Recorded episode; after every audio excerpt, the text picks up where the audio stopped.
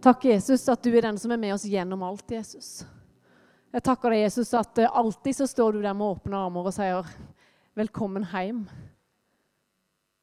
Takk at du er den vi kan sette vår lit til. Takk at du er vårt håp. Takk at du er den vi ønsker å bygge vår menighet på. Du som er seiersherren, du som var villig til å ofre alt for at vi skulle få liv. Takk, Jesus, at du er her. Jeg ber om at du må virke gjennom ditt ord. Takk, Jesus, at du hjelper meg til å formidle det sånn at det kan få betydning i mitt liv og i andres liv. Takk for det, Jesus. Amen. Så gildt å se deg. Jeg gleder meg til det. Selvfølgelig gruer meg òg, men jeg, jeg syns det er fryktelig gildt å få lov å være en del av denne menigheten og få lov å være med og dele verdens viktigste budskap, nemlig budskapet om Jesus. Eh, du som var her på kickoff-møtet eh, midt i august, så husker du kanskje at Vidar han satte en han satt, Jeg har begynt med en ny teknisk greie i dag, så jeg skal bare småprate litt først før jeg er i gang.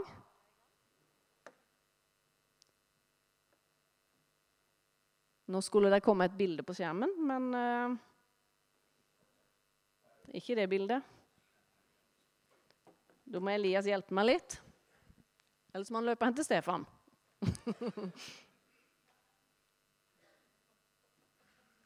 Kanskje det siste. Eh, du som var her på, eh, på kickoff-møtet, eh, du fikk med deg at Vidar nevnte det at i, forhold til forkynnelsen så var det, er det tre koblinger som var tydelige i Jesus sitt liv. Og det er tre koblinger som vi ønsker eh, i vår formidling og vår forkynnelse òg å, å, peke på. Det er rett og slett eh, et bilde av en trekant. Der det er en kobling som peker opp, opp mot Gud. Det er en, eh, en del i trekanten som peker inn. Se her, da er vi i gang! Veldig bra. En som peker inn mot menigheten, og så er det en som peker ut i verden. Og I dag så ønsker jeg å snakke litt om den inn-biten. Så Derfor har jeg valgt rett og slett å sette en overskrift for talen i dag som er 'menighet'. Rett og slett. Eh, og For å få med deg på den tanken rundt det med fellesskap Vi har allerede vært inne på det. Jorunn snakka så flott om det. Hun, hun pekte mye på utdelen. Utdelen med at vi ønsker andre med inn i vår menighet, i vårt fellesskap, i Guds familie. Og For å få deg med litt på den tanken rundt det med fellesskap, så ønsker jeg å bruke et bilde fra idrettsverden, rett og slett. Er du klar over at det er faktisk litt bilder fra idrettsverden i Bibelen òg? Men nå skal jeg ta et annet bilde, rett og slett. Den dama her Veldig greit med den der appen som jeg fikk anbefalt å eh, installere, skjønner jeg.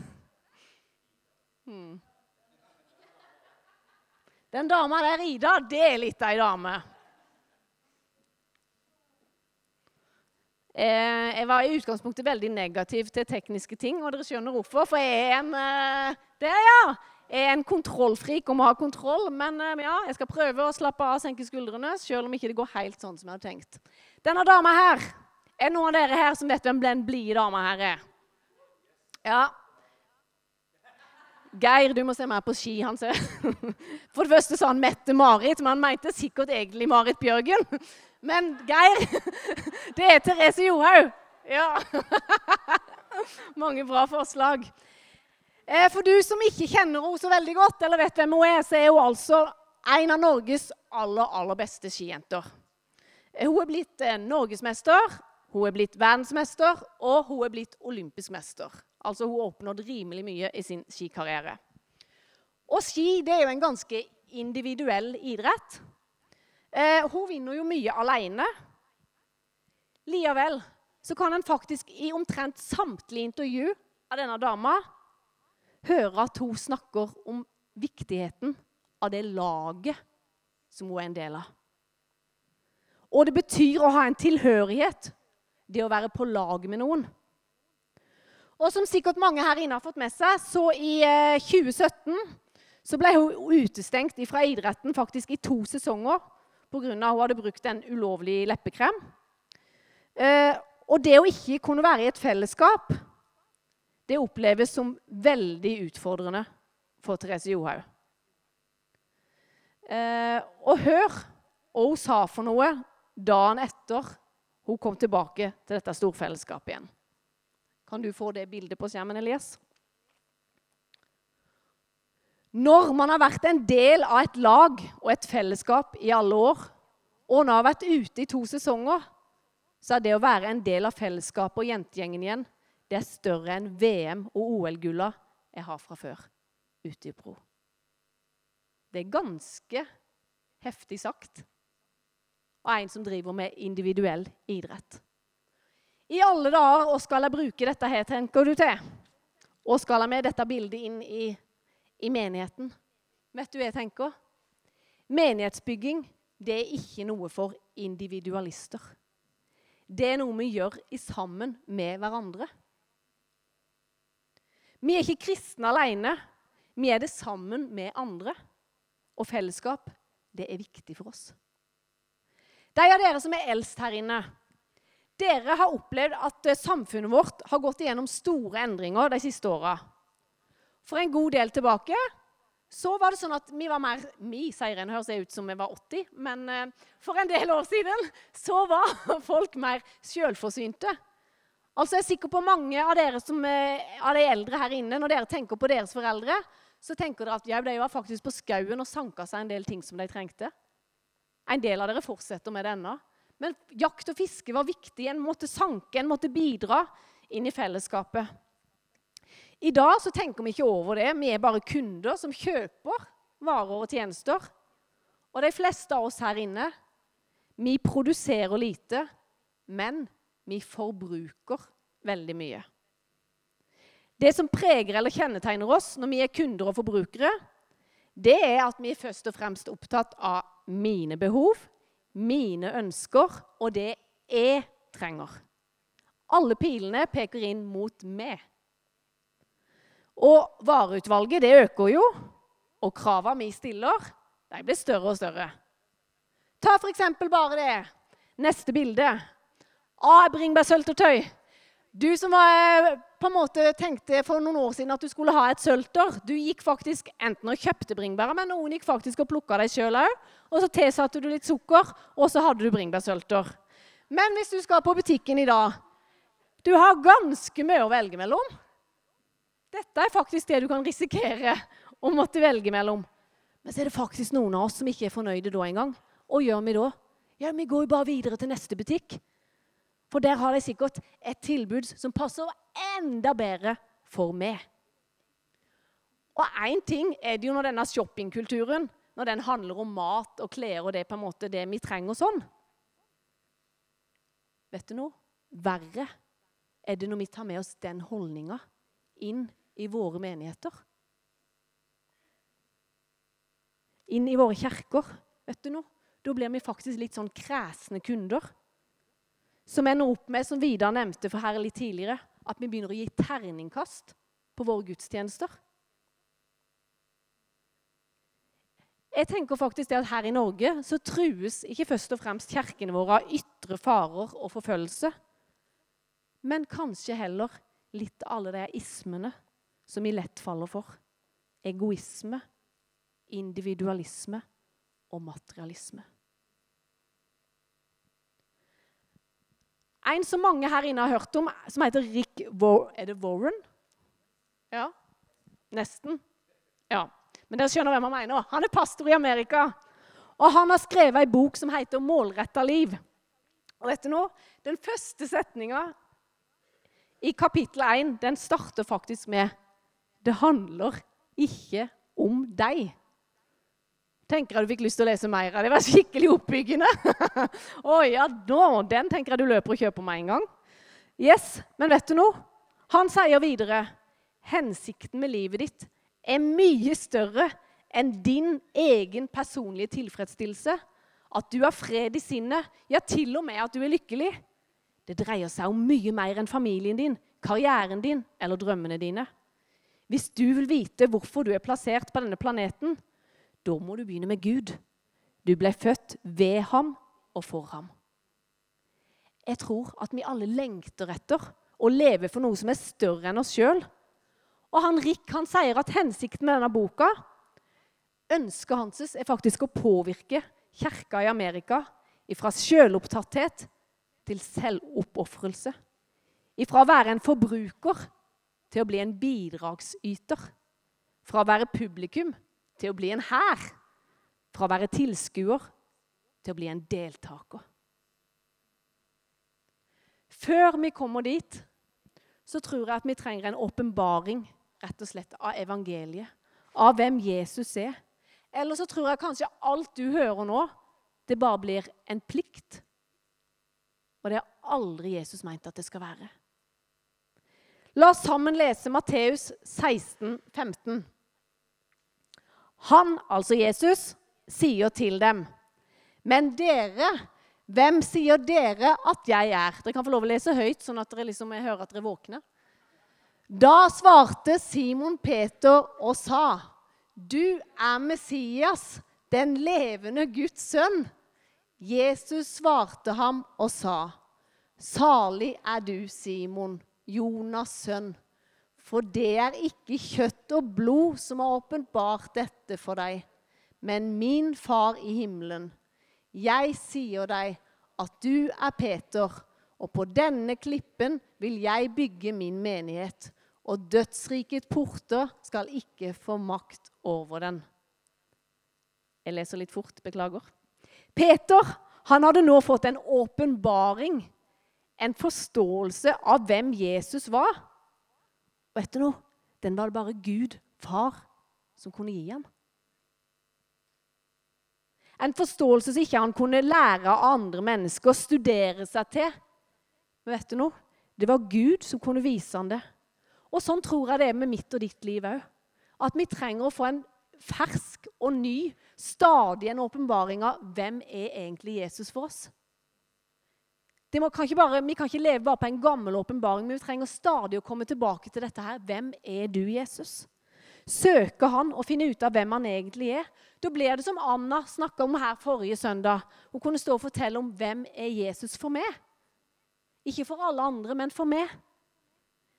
Evangeliet forstås med hjertets øyer og ikke bare med haugene våre. En åpenbaring, altså en personlig erfaring, at Jesus vil, det tror jeg vil skape en begeistring i oss. Og den begeistringa i oss den tror jeg vil gjøre sånn at vi ønsker å gi noe tilbake. Gi han noe tilbake som en takk for alt det han har gjort for oss. Han som var villig til å dø på et kors, han som var villig til å ta all vår skyld, all vår straff, all vår skam. Da blir det en takknemlighet i hjertene våre at Jesus, jeg ønsker å gi deg en takk tilbake. I form av både min tid, mine penger, mine ressurser. Da blir det ikke en plikt, men det blir på en åpenbaring av hvem Jesus er. Når Jesus her snakker om klippen, så er det ikke bare Peter som person Jesus tenker på, men Peters åpenbaring eller forståelse av hvem Jesus er for han. Jesus han er den klippen som menigheten skal bygges på. Her snakker han jo til og med om det før sin døde oppstandelse. Men han peker på at vi som menighet vi må bygge på Golgata, på Jesus og på hans frelsesverk. Jesus han uttaler og avgjør an menigheten det er hans redskap til å fullføre og oppnå Guds hensikter her på jorda.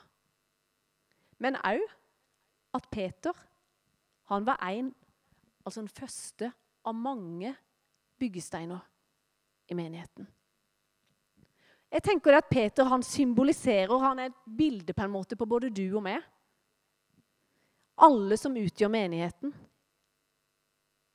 Og vi trenger alle å få en åpenbaring i hjertene våre, ikke bare i hodet.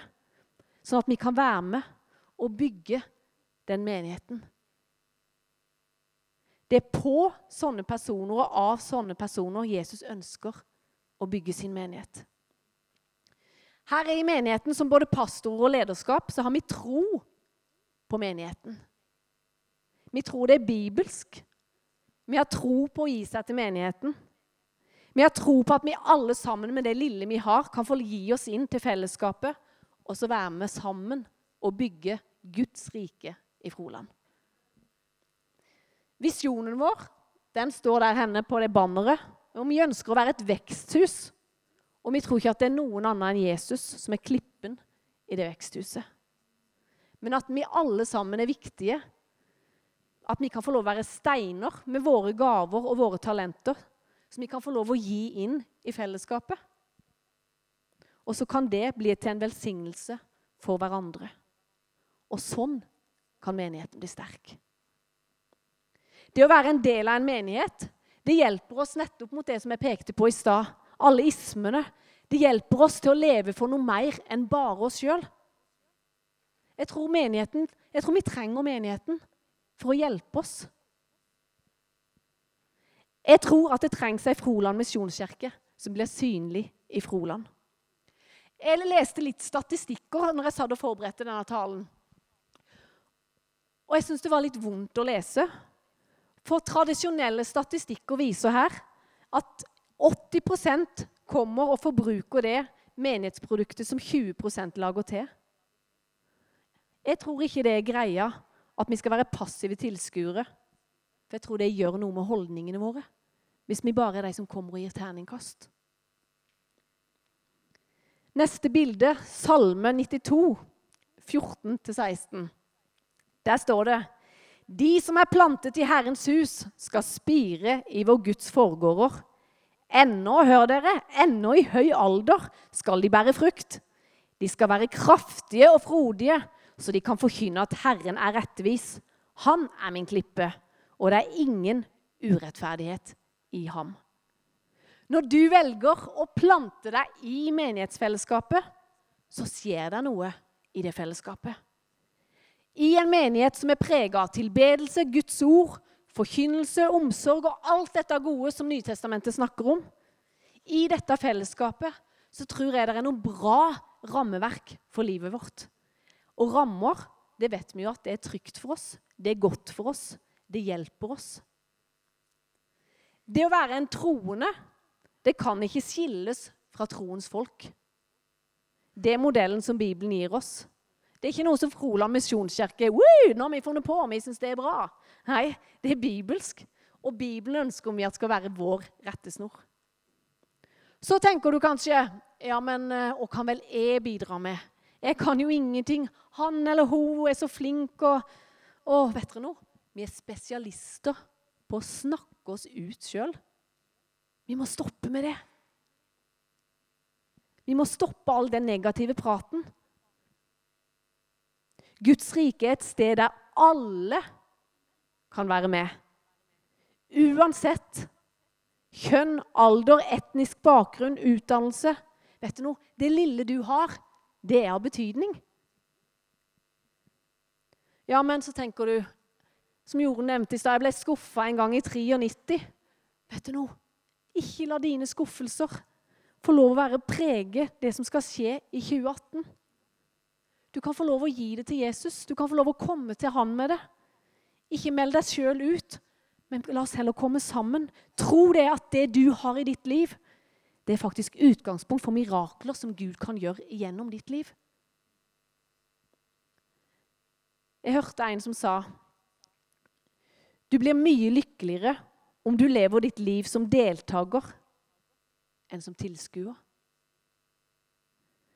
Du blir lykkeligere hvis du feiler på å være overpositiv enn å være negativ. Det ligger noe i det. Vi gjør dette i fellesskap. Det er ikke oss, det er ikke vi som er midtpunkt. Det er Jesus som er midtpunktet. Han er klippen vi bygger på. Åpenbaringen om hvem han er. Andre kongebok, eh, kapittel fire, der står det en spennende historie. Nå skal du få høre. Andre kongebok, kapittel 4, vers 1. En kvinne som var kone til en av profetdisiplene, ropte til Elisha og sa.: Din tjener, min mann, er død, og du vet at din tjener frykter Herren. Nå kommer pengeutlånerne for å ta mine to sønner som sine slaver. Da sa Elisha til henne, Hva skal jeg gjøre for deg? Si meg, hva har du i huset? Hun sa, din tjenerinne har ikke annet enn en krukke med olje i huset. Da sa han, gå og lån kar fra hele nabolaget, fra alle naboene dine, tomme kar. Du må bare ikke samle for få. Og når du har kommet inn, så skal du stenge døra etter deg og dine sønner. Så skal du helle den i alle disse kara og sette de fulle karene til side etter hvert. Så gikk hun fra ham, stengte døren etter seg og sine sønner og de, de som hentet karene til henne, og hun helte den opp. Og da karet var fylt, skjedde det hun sa til sin sønn. Gi meg enda et kar. Han svarte henne, det er ikke flere kar. Da stanset oljen å renne. Hvem er det som gjør miraklet her? Ja, det er jo Gud. Og har vi i huset? Og har vi i denne kirka? Vi er enormt rike. Vi ønsker å være tydelige på at vi ønsker å bygge en kirke hvor alle kan bidra. Vi ønsker ikke at statistikkene skal være at 20% er de som bidrar for 80 og kommer med terningkast opp eller ned. Vet du noe? Hver enkelt skal få lov å være med. Denne kvinnen i historien her i eh, andre kongebok hun opplevde hun fikk problemer. Og da spurte hun Gud hva hun skulle gjøre. Men hun responderte overfor Gud istedenfor bare å reagere. Hun handla i tro. Jeg ønsker i mitt liv å lære av denne dama. Det er så lett å miste perspektivet på hva er det egentlig som er det viktige. At det er Jesus som er herren over menigheten, og at kroppen bygges opp med felles innsats hos alle lemmene. Neste bilde på Efeserne 4,11, så står det Og han ga noen til å være apostler, noen til profeter, noen til evangelister, noen til hyrder og lærere, for at de hellige skulle bli utrustet til tjeneste i arbeid, til oppbyggelse av Kristi kropp. De hellige, de som har sagt ja til Jesus, vanlige mennesker, du og meg. Poenget er at vi er invitert inn i fellesskapet, inn i storfamilien. Alle så kan vi gjøre noe. Elisha han sier, 'Hva er det du har i huset?' Og har du i huset? Jeg tror at Gud legger ned i oss gaver som vi kan bidra med inn her i fellesskapet, inn i menigheten. Men av og til så blir en så opptatt av hvem man er og hvilken rolle en har, at da kan av og til hjertene våre komme litt ut av kurs. Og så trenger vi jo rett og slett av og til å bare gjøre det som trengs òg. Uten å ha et voldsomt kall til det. Eh, et lite bilde på det. Når vi fikk vår første datter, Margrethe, så var det jo mye som eh, måtte gjøres, som en kanskje ikke helt på forhånd hadde klart å forestille seg eller planlegge. liksom. For det, når du blir mamma og pappa for første gang, så vet du ikke helt hva du går til. Så var det jo av og til at jeg var vekke lite grann, liksom, kanskje en time eller to. Og, og da opplevde Ole Georg det. At å jobbe i fjøs og kjøre kudritt det var ingenting i forhold til å skifte en bleie til en baby. For det var liksom sånn, Selv om Margrethe på kanskje fire måneder lå der, liksom, så var det akkurat som hun sensa det. Nå er mamma ute av hus. Nå skal jeg ha det litt gøy med pappa. Det slo ikke feil. Hver gang nesten når jeg bare skulle en liten tur, så kom det ei skikkelig drittbleie. Ikke sant? Og eh, for å si det sånn, Margrethe hun kunne aldri ligge oppe på stellebordet når Olgeir skulle skifte bleie, for det var veldig farlig. For I løpet av det ene bleieskiftet så måtte han mange turer hen på den doen for å komme seg gjennom det bleieskiftet. Så han måtte alltid legge henne ned på gulvet, sånn at hun ikke skulle dette ned fra, dette ned fra stellebordet. Men poenget mitt er at han måtte faktisk delta i noe drittarbeid i sitt heim i sin heim, for det var jo hans heim. Det handla om at vi er et fellesskap. Det var jo ikke liksom sånn at Juhu, nå skal jeg skifte bleie. Men han måtte bidra i fellesskapet. Rett og slett. Selv om det var en drittjobb, så måtte han bidra. Greia er at eh, kirka, det er vårt heim. Og av og til så må vi bare gjøre det som trengs òg for å bygge ei kirke. De eldre i menigheten er jo fantastiske forbilder på det. Torsdag etter torsdag etter torsdag.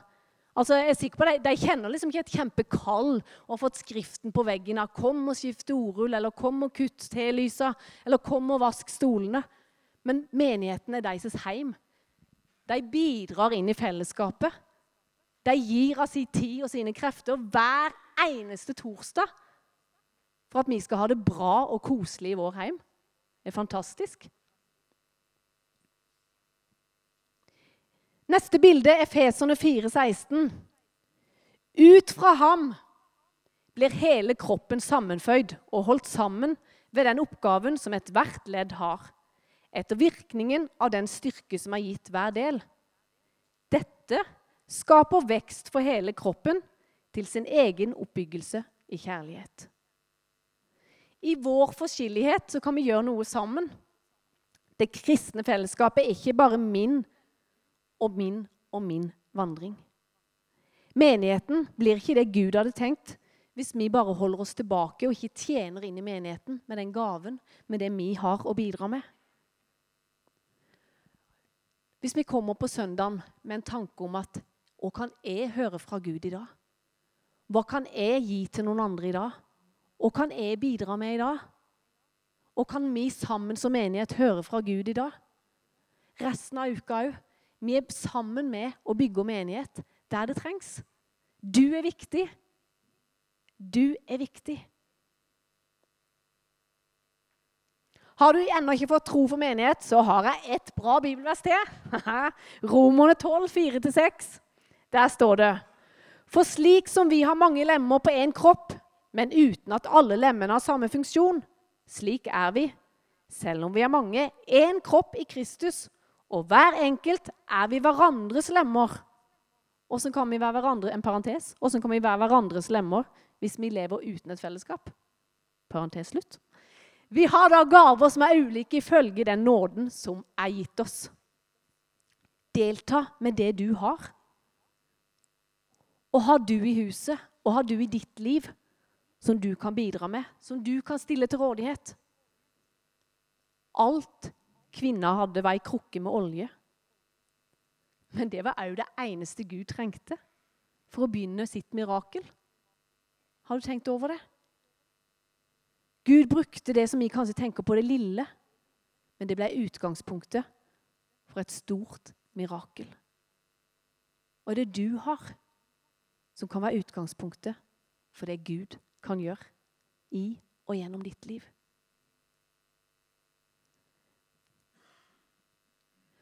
De begynte å helle, og de begynte å helle. La oss ikke ha for små perspektiver. Og drømmer du om? Og har du tro på for menigheten? Og har du tro på ut ifra menigheten vår? Når vi setter fram, så er det han som heller på. Gud er den som gir til den som tror på han. Tør vi å gi det lille vi har, til han?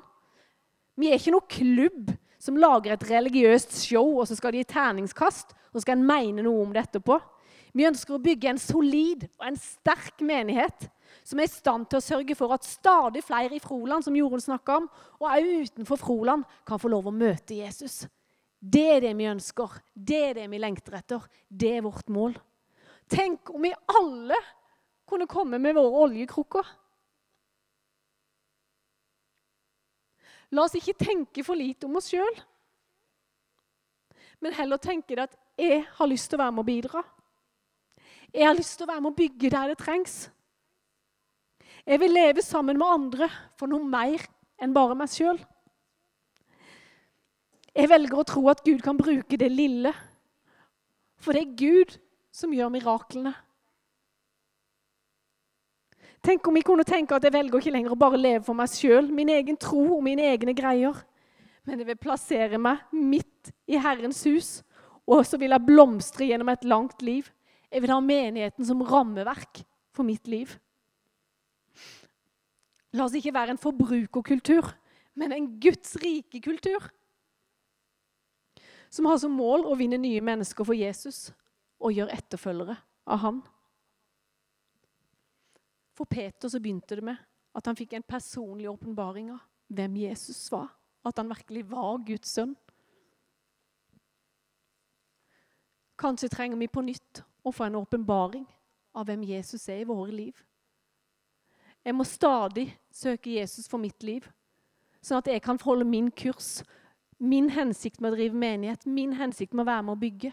Jesus må stadig vise den for meg, sånn at det skal være noe friskt nå. Og vet du noe? Ulikheter det beriker fellesskapet. Kirka, den er Guds familie.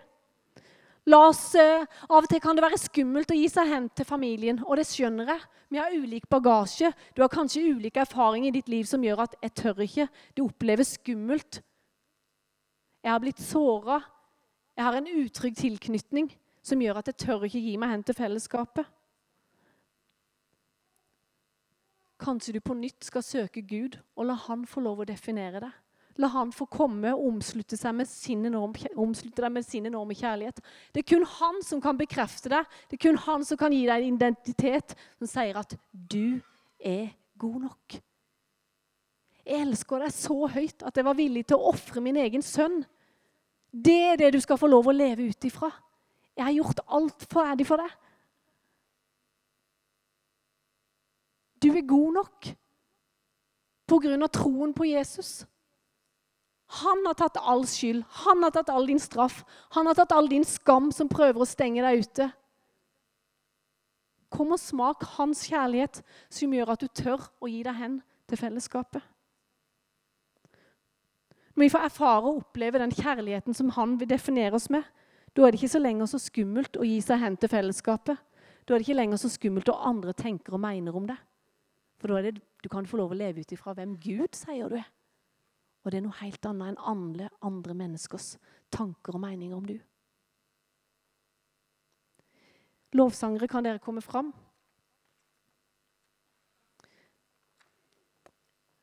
Jesus, jeg bare takker deg for at du er verdens håp. Jesus, jeg bare takker deg for at du ønsker å bygge din menighet her i Froland. Du ønsker å ha alle med, Jesus. Jesus, jeg ber deg for de som sitter her inne i kveld, som kanskje stenger seg sjøl ute, som tenker at 'jeg er ikke god nok, jeg er ikke bra nok'.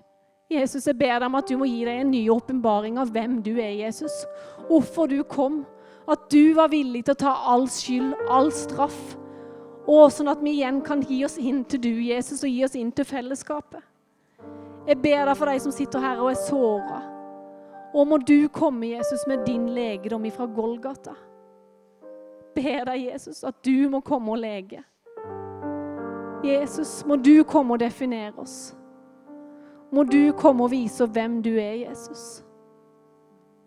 Jesus, åpenbare deg for hver eneste en som er her inne. Å, Jesus, la oss se at vi alle regner med. Hjelp oss til å tørre å sette fram våre krukker, Jesus. La oss tørre å komme med det vi har i huset, i våre liv, og gi det inn til fellesskapet. Så takker jeg deg, Gud, for at du er den som gjør underet. Du er den som gjør underet. Jeg bare takker deg for det, far. Men hjelp oss til å tore å komme med det. Hjelp oss til ikke å se smått på oss sjøl.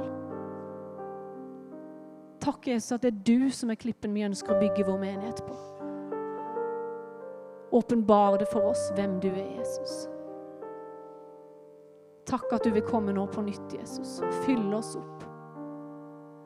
Ber deg for alle som er her inne, at vi skal få et møte med du i kveld, Jesus. Takk, Jesus. Amen.